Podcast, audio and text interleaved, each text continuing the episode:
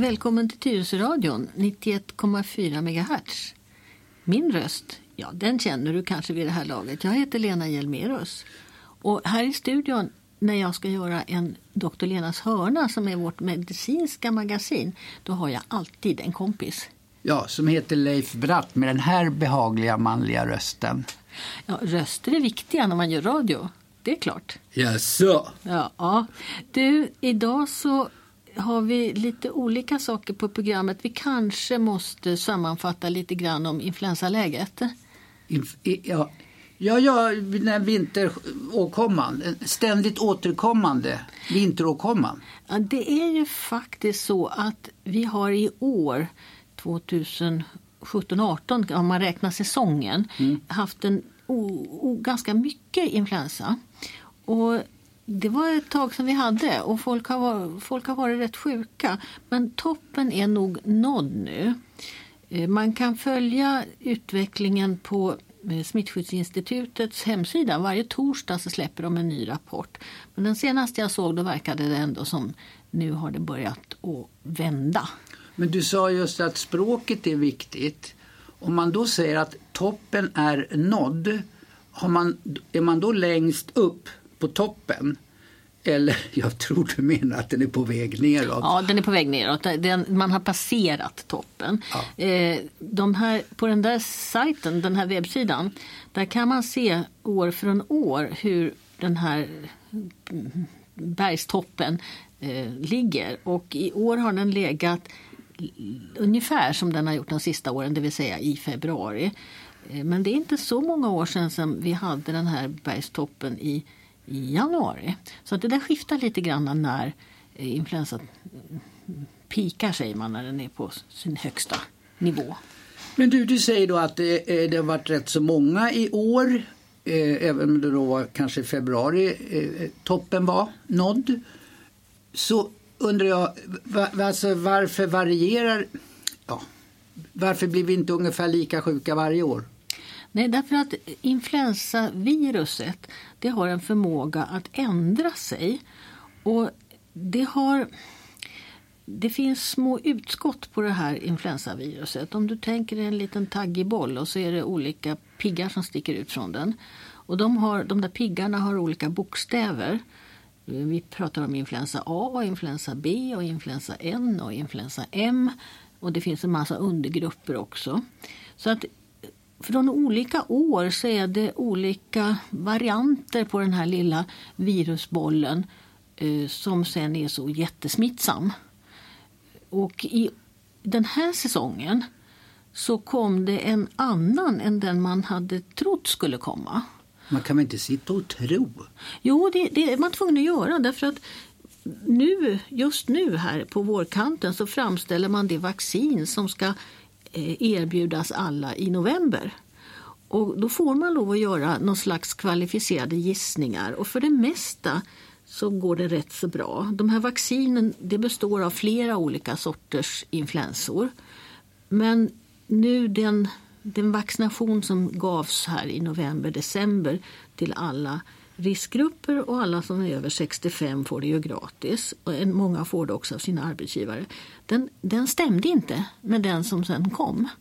Och därför blev folk lite sjukare den här gången än, än de har varit de senaste åren. Och ska jag vara riktigt ärlig så har jag inte sett så här mycket influensa på äldreboendena på 25 år. Och det är ungefär så länge som vi har hållit på och vaccinerat äldre människor mot influensa. Mm.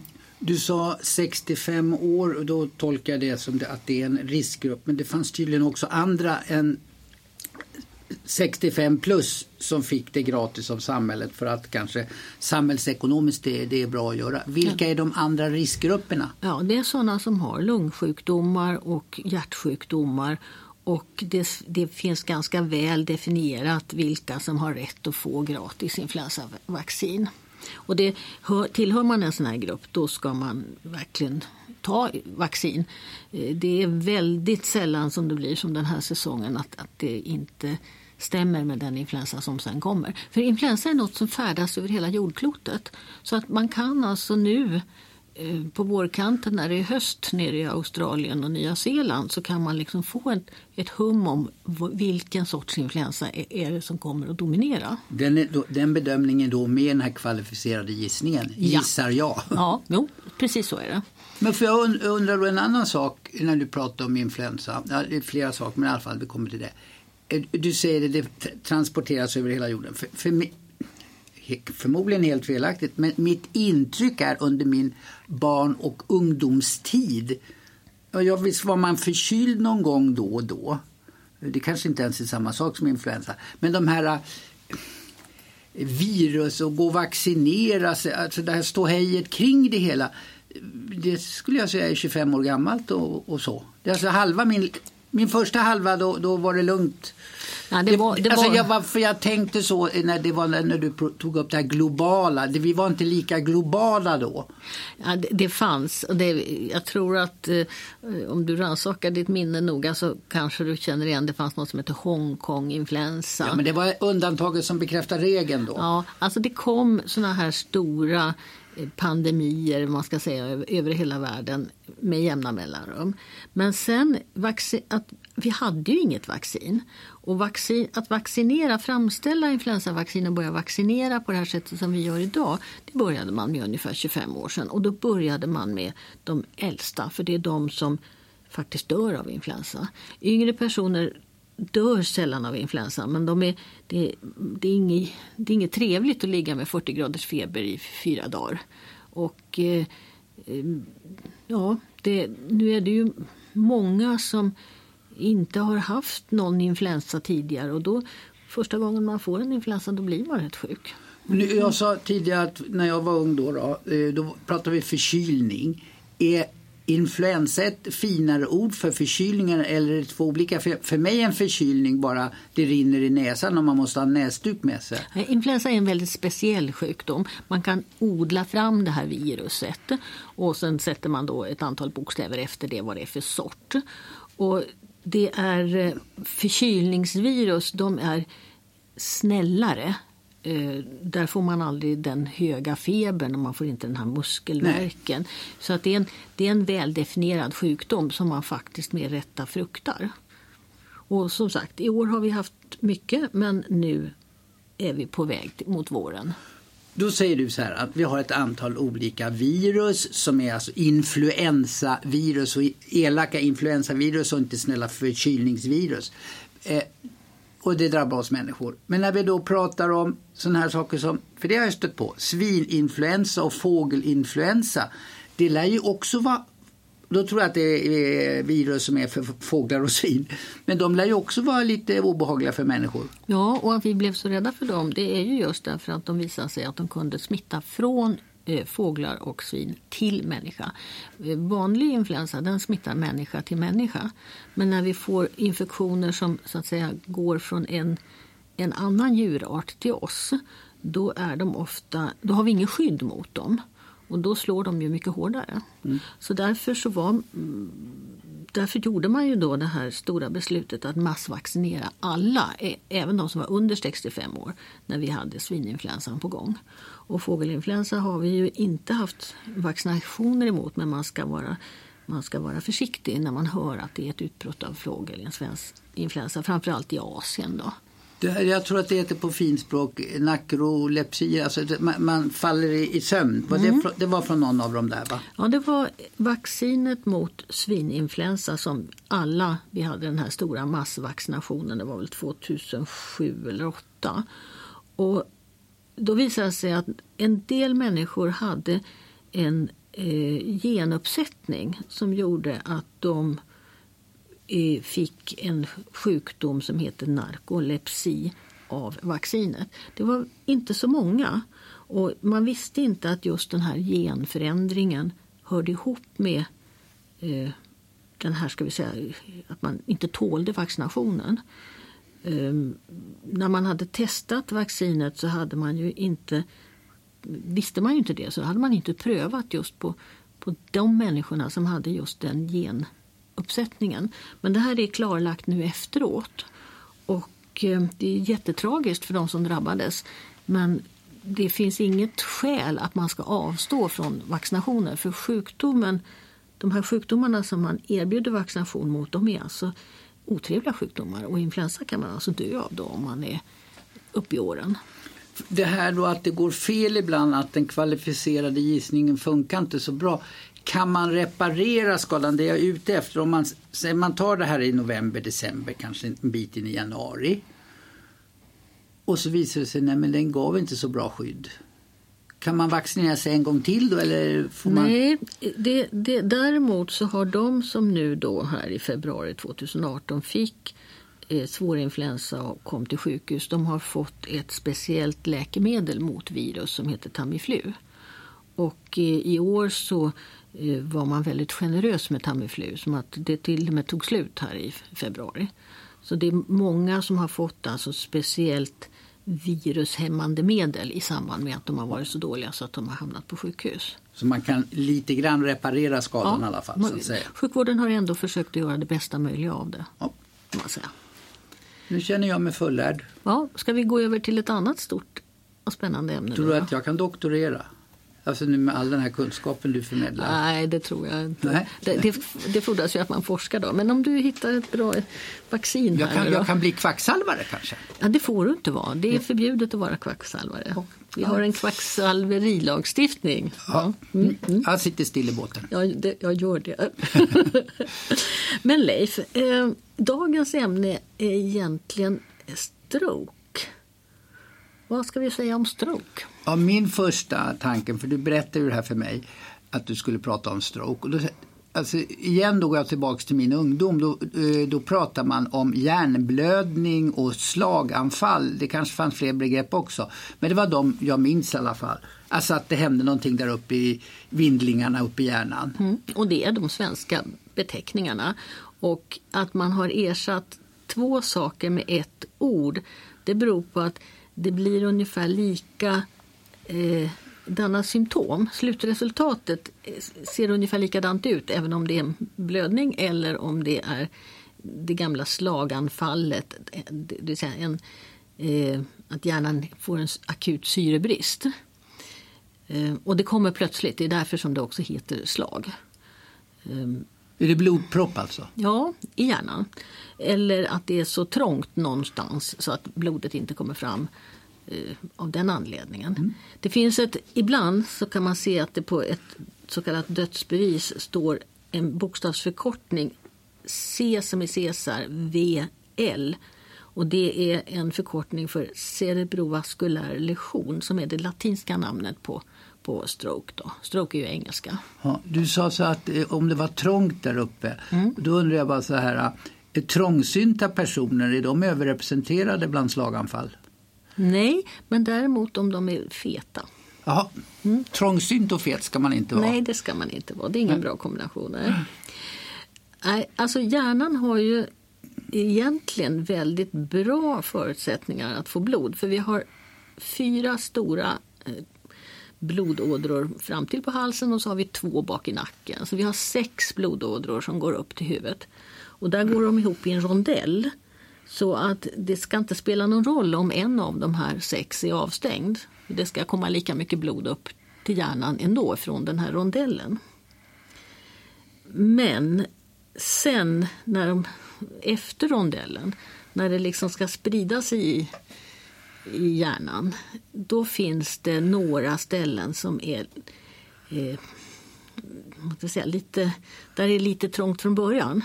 Och där det då kan bli ganska vanligt att det sätter sig en, en, en propp eller en förträngning. Och då får man det här plötsliga bortfallet av eh, framförallt den, att kunna röra sig. Och det är eh, ja, det, är en, det är en viss del av hjärnan som de vanligaste eh, stroken sätter sig. Men om då den här blodådern går där uppe en, en mm. viss del av hjärnan och mm. sen blir det stopp av något skäl. Mm. Hur långt runt omkring det här stoppet bli, bli, tar hjärnan slut? För jag menar, hjärnan måste väl ha kontinuerlig tillförsel av syre. Det är inte blodet i sig utan det är syret. I, mm. i, blodet. Ja. Mm. Och så blir det stopp där och det kommer inte fram något blod och därmed inget syre till en viss del av hjärnan. Hur eh, länge kan man vara utan? Alltså, hur fort blir det en permanent skada? Ja, det, det är, går ganska snabbt och därför är det här med att komma in till sjukhus och få behandling tiden är viktig. Och man försöker idag säga att har man fått symptom på en stroke så ska man vara inne på sjukhus inom eh, två, tre timmar. Det är liksom gränsen. Och har man långt till sjukhuset då är ju det liksom lite kritiskt. Eh, idag har vi läkemedel som kan lösa upp proppar och det är där den här tidsaspekten också är väldigt viktig. Men sen är det en stor eh, skada då blir det också en svullnad runt omkring som i sin tur skadar utanför den själva proppområdet. Den där svullnaden den går ofta tillbaka. Så att det, det är svårt att direkt första dagen säga hur stor skadan egentligen är. För det kan vara den här svullnaden som gör att det verkar större än vad det sen visar sig vara.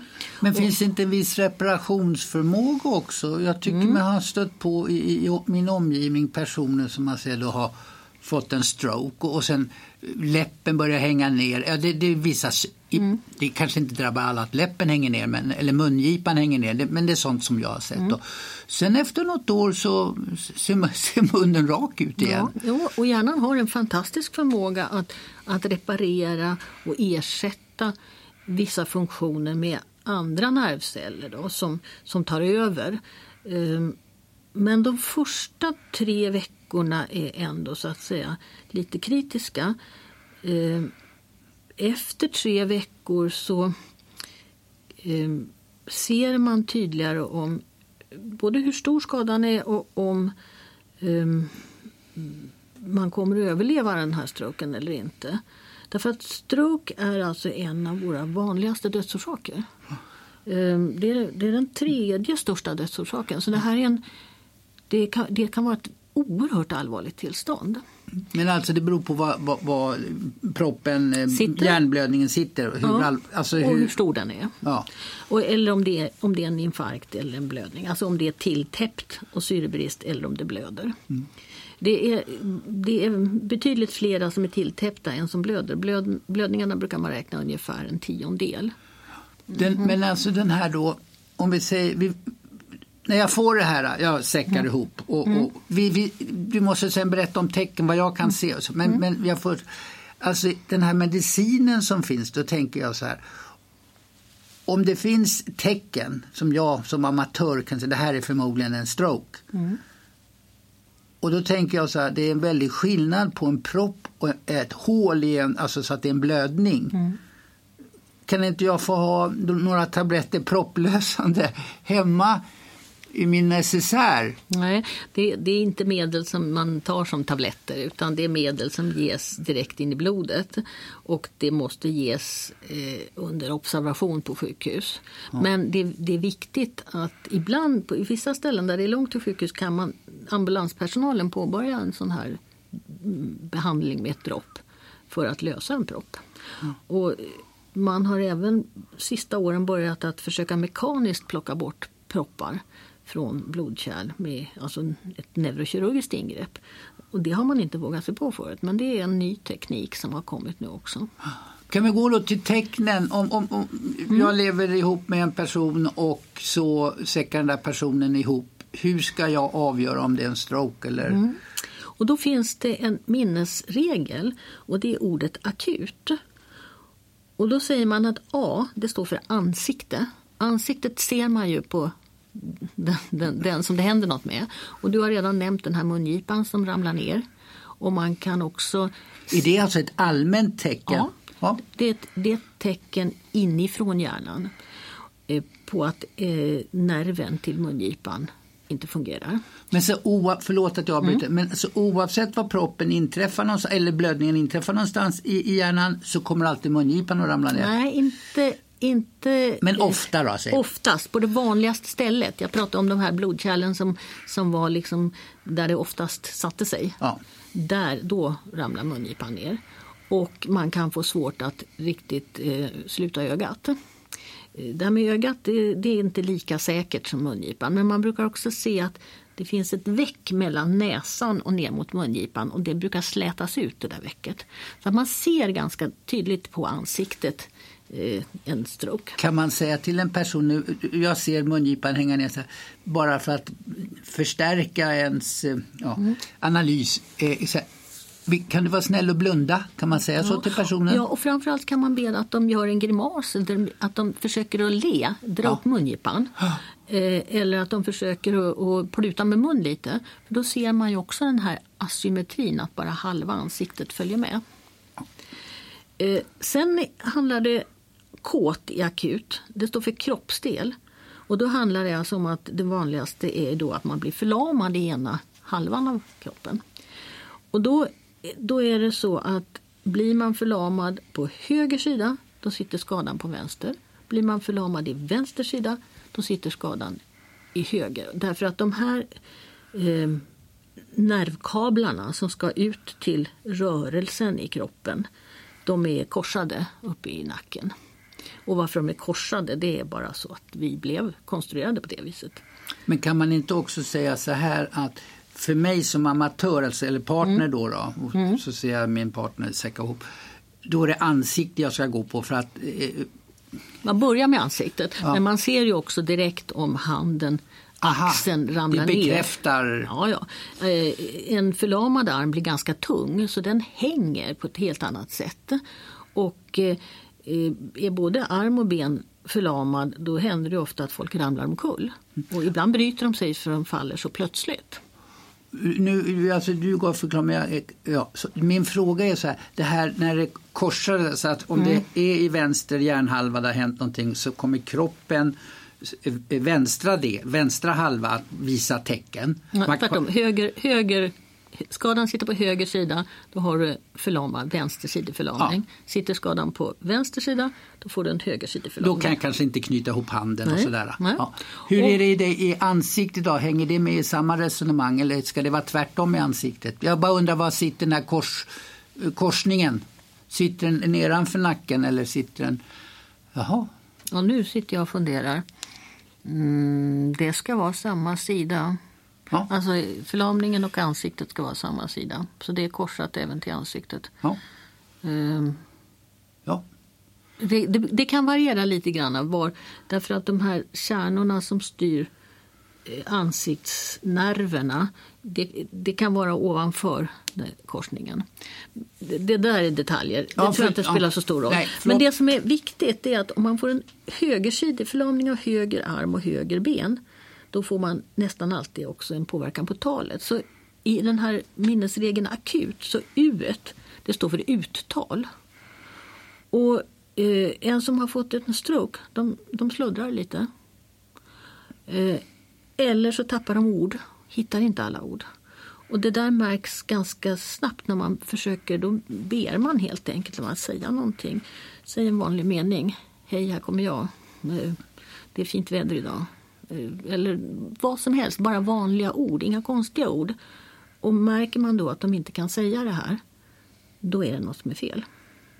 Ska jag vara lite, eh, ja, jag vet inte om det är dumt, men, men jag tänkte så här, om man ringer då, eh, vad heter det, 112 Mm.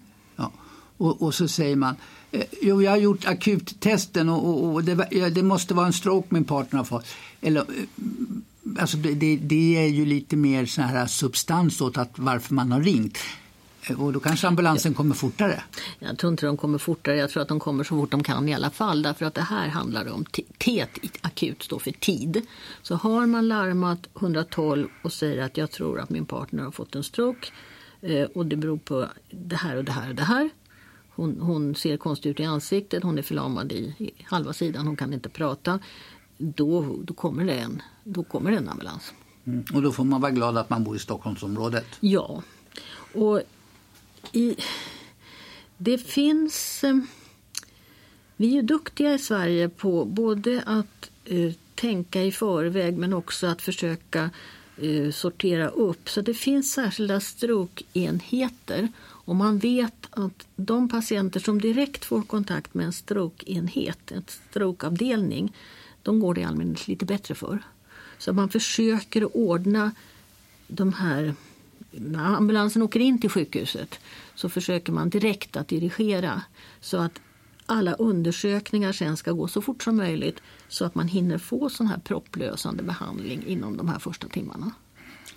Eh, jag tycker om att ställa frågor. Du pratar om att prognosen kan vara god i alla fall om man har närheten till ambulans. Eh, jag, här, i, i, att man kan vara proaktiv, alltså förebygga eller alltså, det jag är ute efter kan stroke vara en livsstilsfråga också? Alltså, mycket intag av rödvin eller vad? Mm. Ja, alltså vi, vi har ju, det här är ju en av de sjukdomar som faktiskt går ner. Vi, vi, har inte lika många som får stroke idag som vi hade när jag började inom sjukvården. Då. Och anledningen till det, det är att vi har blivit så duktiga på att hitta människor som har högt blodtryck och behandla deras höga blodtryck och få dem att ta sina blodtrycksmediciner.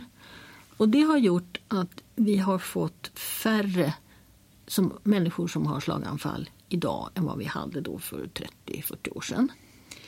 Den andra anledningen är att vi också har blivit mycket bättre att förstå sambandet mellan när hjärtan går i otakt. Vi har gjort ett radioprogram för ganska, ja, det flera år sedan nu då, där, om hur hjärtat slår. Och när hjärtat slår i otakt så kallas det för flimmer. Och då eh, skjuter det iväg blodproppar som ibland går upp i hjärnan. Då. Och därför så ska alla som har ett flimmer också ha blodförtunnande behandling. Och med de där två sakerna, bra blodtryckskontroll och att vi eh, ser till att de som har flimmer eh, inte får proppar, då har vi alltså lyckats att eh, få ner antalet patienter som får stroke. Men det är ändå, det är ändå en 30 000 varje år. Och det här är ju en kronisk sjukdom så nästa år så kommer det 30 000 till då, eller 25, några dör ju. Ja, det finns väl ett tillskott underifrån också? Ja, ja visst. Så att man räknar alltså med att det finns åtskilliga hundratusen i Sverige som har skador efter en stroke. Och har man fått en stor stroke eh, då drabbar det också familjen därför att man åtminstone de allra flesta blir väldigt beroende av att ha en annan människa hemma som hjälper dem med det vanliga. Men då blev det en liten omväg, eller om jag ska kalla det så. Alltså, jag var ju ute efter en livsstilsfråga. Mm. Men då, eftersom du då säger att det här är en åkomma orsakad av högt eh, blodtryck. Då är min fråga, är högt blodtryck en livsstilsfråga? Alltså kan jag på mm. något sätt med min livsstil ja. minska blodtrycket? Sluta röka, gå ner i vikt, ät vettigt. Och, och vad är vi äta vettigt? Um, grönsaker? Grönsaker.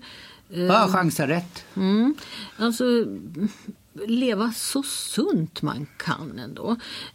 Däremot så det här med alkohol är väldigt diskuterat fram och ttillbaka. Nog, då är nog alltså det här med eh, övervikt, eh, högt blodtryck, diabetes, vi har pratat om ett, ett, ett, eh, något som heter metabola syndromet.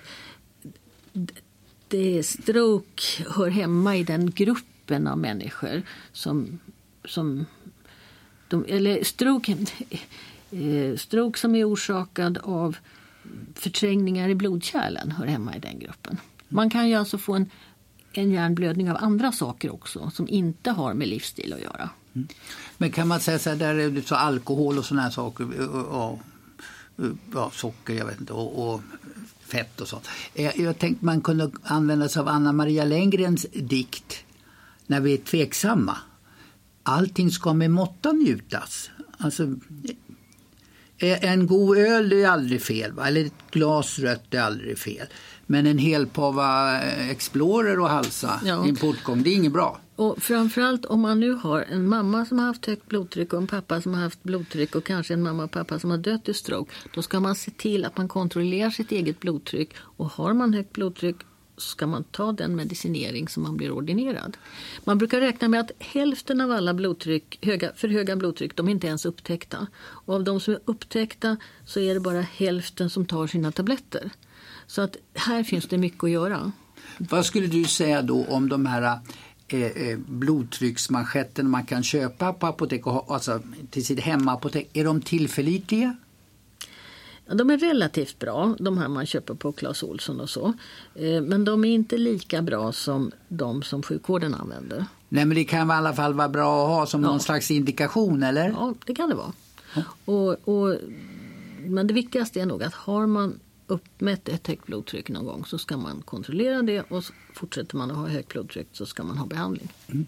Och då är man rätt välvilligt inställd på vårdcentralen. Ja. Eh, mm. att, eh, man behöver inte tjata för att göra den här kontrollen. Nej, men blodtryck kan ju distriktssköterskan ta. Man behöver inte träffa doktorn för det. Nej. Och blodtrycksmedicinerna är man väl inställd, ja då får man sina förnyade recept en gång om året. Men det är blodtryckskontrollen som är det viktigaste. Mm. Sen finns det alltså, om man nu har otur då och råkar ut för en stroke, då finns det en stor patientförening där man kan få väldigt mycket hjälp. Den heter eh, Strokeförbundet. Och det finns en underpatientförening man ska säga, för de som får stroke när de är lite yngre. Och den heter SMIL, Stroke mitt i livet. Och de där föreningarna de har väldigt mycket bra tips på hur man kan fortsätta att träna så att man ändå behåller den förmåga man har kvar efter ett slaganfall. Finns det någon eh, eh, det är larvigt i och för sig, men jag, bara, jag var bara nyfiken. Alltså, finns det, vi har varit inne på ålder, men finns det någon könsrelation? Drabbas mm. kvinnor eller män mm. oftare än den andra gruppen? Nej, det är väl ungefär lika. Men männen drabbas när de är aningens yngre än kvinnorna. Medelåldern för stroke hos en man är 75 år och för en kvinna är den 79. Vi har ett jättestort register, ett kvalitetsregister. Det var ett av de vi har många sådana här register, för, ett för varje sjukdom. Och det som gäller stroke det heter riksstroke. Och det är ett offentligt register så man kan gå in på det och så kan man få ut en massa bra saker, eh, siffror. Eh, och man kan få, varje år så görs det en uppföljning av hur ser läget ut för alla som har fått stroke det här året. Men det som man brukar får mest problem kring det är de här, man, man är ju ganska kort tid på sjukhus och så ska man hem och de flesta tränar upp sig ganska bra hemma därför att de är i sin egen miljö och de gör saker som man gör varje dag, går upp ur sängen, äter frukost och sånt där. Men det finns en grupp människor som skulle behöva mer träning och som inte får det. Av någon anledning så hamnar de liksom mitt emellan. Och då kan man faktiskt själv eh, låter konstigt, men man kan skriva remiss på sig själv. Och via de här hemsidorna, Strokeförbundets hemsida och SMIL, så kan man se hur man gör om man vill själv försöka skaffa sig mer träning när sjukvården liksom har sagt nej. Och det där är en viktig grej, för det är det här, det, är det här som liksom kan hjälpa folk att komma vidare. Varför detta dubbla system? Ja, sjukvården har begränsade resurser och inom sjukvården så säger man att man ska vara träningsmotiverad. Det ska finnas förutsättningar för att man ska kunna träna och kunna bli bättre. Man ska orka med träningen. Och har man en gång då fått ett avslag därför att man, man var i ett sånt skick just då så man fyllde inte de här kvalifikationerna. Men sen så går något år och så blir man lite piggare och så vill man åka till något ställe där jag kan få träna. Det finns speciella ställen både här i Sverige och man kan, finns ställen nere i Spanien dit man kan åka. Men då får man alltså, det finns en möjlighet där man själv kan alltså ta initiativ och skaffa sig egen träning. För du menar, har man en gång fått ett avslag från landstinget då är det lite trögt i portgången? Ja, det är ganska mycket trögt i portgången. Det krävs rätt mycket för en omprövning om man en gång har fått ett avslag och att man inte är träningsbar så att säga. Mm.